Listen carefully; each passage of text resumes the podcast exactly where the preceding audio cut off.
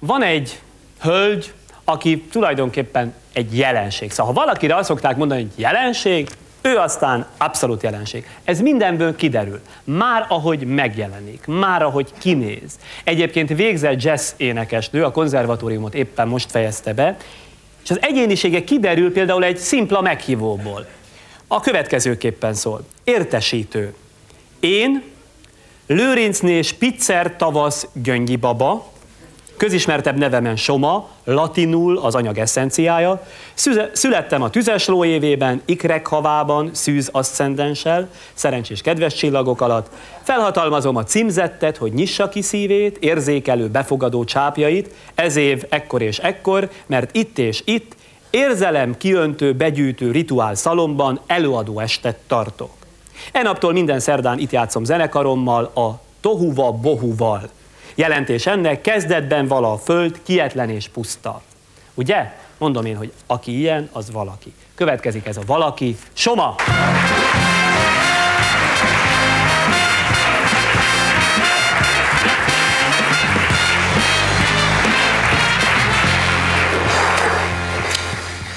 A körmeid. Hát ezeket a saskörmöket csak piros színben, ezek, ezek ugye nem valóságos körmök, ezek műkörmök. Elmondom, hogy ez mi. Az a helyzet, hogy én kerti munkát végzek, mert a föld az én szerelmesem. És hát most van ugye a megy, ribizli, stb. És mm, nem retek, de úgy tűnik, mintha a körmöm alatt, ugye a megy, mert eltettem már 17 üveg cseresznyét és 32 üveg megyszörpöt, mint a retkes lenne, de ez nem retek, hanem próbáltam citrommal kiszedni, nem jön ki. Tehát valamivel el kell takarni. Próbáltam műkörmöket felragasztani, de a, a, kirázott el a hideg borzalmas. Ez mi? Ez nem testem, műköröm, hanem Ez mi? nem műköröm, hanem játékboltban kapható 110 forintos hivatalos nevén Batman köröm.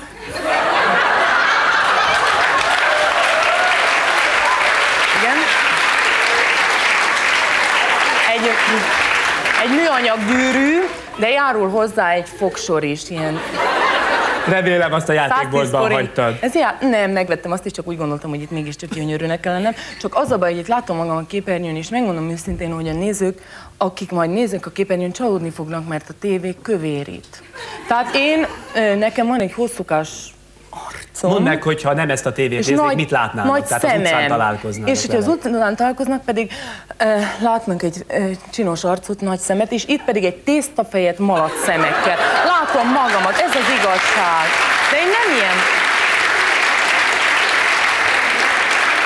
Ez, ugye, ez reális valóság, látom. És én nem ilyen vagyok. És valahányszor voltam a tévén, mindig mondják, hogy mennyit fogytam, pedig tíz éve időlt fogyókurázó vagyok, és sajnos még semmit nem adtam le.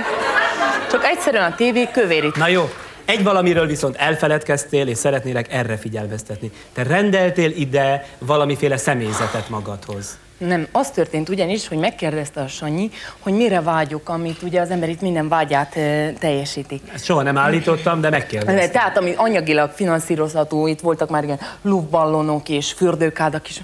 Hát mi az, mi az, amire az ember vágyik?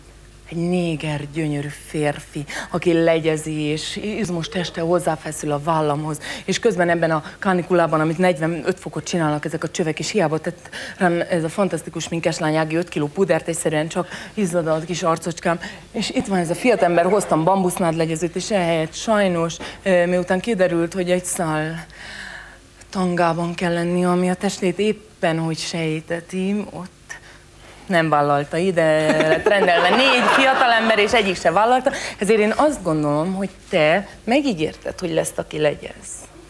Hát Most időnk... nem azt gondolod, hogy én a hátad mögött fogok állni, úgy kérdezek, és közben legyezgetlek. Nem, itt szem, ül szemben, és közben legyezhetnél nagyon. Ha azt akarod, hogy szép Na, legyek, és a... ne izzadjak. Fantasztikus legyező, adjátok ide, hát teljesüljön minden kívánság. Nem, te ülj le majd hozzá a férfiak. Ó, ez a bambusznád legyező, és így kell beszélgetnöm veled?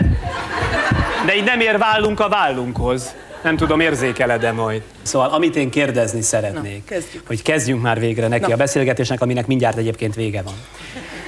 Hogy azt mondod, elejtettél egy ilyen fél mondatot, azt hittem a műkörmemet, mert leválik könnyen. Hogy neked kell a napi sikerélmény. Ezért végezted el nyilvánvalóan a jazz tanszakot, ezért lettél jazz énekesnő, de amit még hallok, hogy te sajátosan vezetsz. Szóval te vezetés közben örökké sikerélményt szerzel, vagy igyekszel szerezni, mert neked az a bániád, hogy neked naponta legalább egy betevő sikerélmény kell. Egy, több. Nem, én azt gondolom, ez teljesen egészséges. Minden nő arra vágyik, hogy minden nap is sikerélményünket ad meg nekünk ma.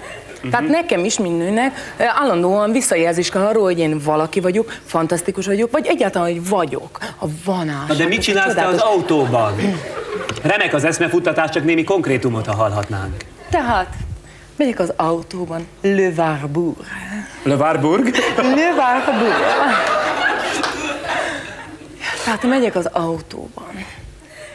Piros lámpa, akármilyen időjárás van, letekerem az ablakot, körülbelül így.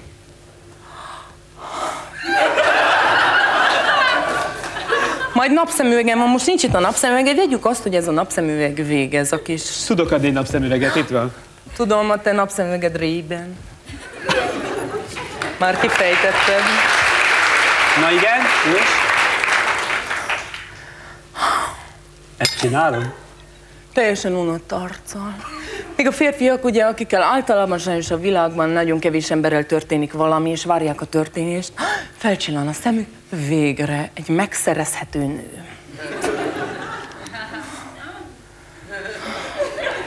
Vált a lámpa, közben én egy hűvös pillantást a mellettem állóra.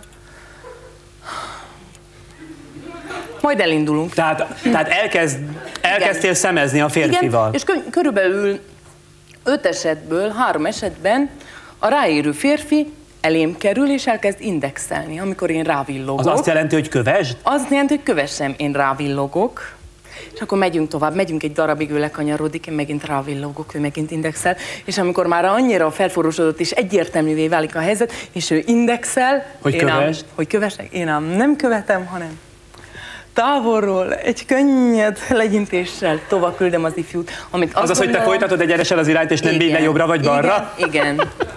Szegény, mikor már jó fel van ajzódva, Agyő. Ezt sajnos, bocsánat uraim, de azt gondolom, ja, mindig eltakarom a kis titkos mikrofont, amit a szívem fölé helyeztek, ez nem véletlen. Ez fantasztikus, mert a hang és a szív az egy csatorna. Tehát visszatérek. A férfiak sajnos nem akarom megbántani, de megérdemlik. Nem szeretném, hogy egy ilyen szexuál centrikus hölgyként mutatnálak itt be. A komplexitásomat A komplexitásodat, pontosan erre akartam rákérni, most a tudós asszony jön. A komplexitásodat szeretném somán fölvázolni. Tudni, te azért hosszú utat jártál be. Ha azt végig sorolnád, hogy milyen szakmától indultál, és ma azt tudjuk, hogy jazz éneklésig vitted, de közben milyen stációk voltak, csak úgy címszavakban. Hát én először is azt gondolom, az én alapvető foglalkozásom, én kalandvadász vagyok. Kalandvadász? Kalandvadász vagyok, tehát az élet különféle szintjeit mindenbe belemenni és megkóstolni. Mindent szabad a világon, ami nekünk vagy a másiknak nem ártalmas. Ezt most közlöm, ez, ez tény, mindenbe belemehetünk, ami magunknak vagy másnak nem ártalmas. Ezzel Tehát először egyébként.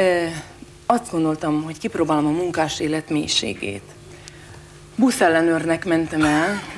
Legelőször a debreceni hatos számú volánhoz, ami nagyon érdekes volt, mert nagyon szegény volt már akkor is a volán, és nem adtak kötelező munkaruhát, és én akkor egy picit még a bohó hippi korszakomban voltam, és ilyen pancsóban jártam, amit öregnék takarónak használtak, ilyen nagy rojtokkal, és mindig eldugtam a karszalagot a kezembe. És a szimpatikusabb utazókkal egy darabig szemeztem, majd oda mentem, előkaptam a karszalagot, és azt kérdeztem, van jeget? Így? Így? Soha nem.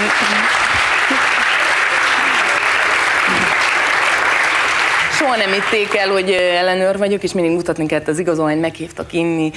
Új évkor rengeteg naptárt kaptam, virágot, imádtak az utasok, de hát senkit nem büntettem meg, úgyhogy négy hónap múlva fegyelmivel elbocsátottak. Utána elmentem a Magyar Gördülcsapanyővek, vagyis Göcs be.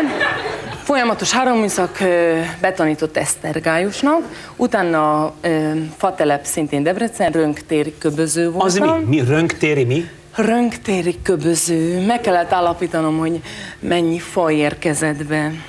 A telepre? Igen, és milyen típusú fa. És ez Utána... hogy köbözik a rönktére? Mm, satsz. Satsz?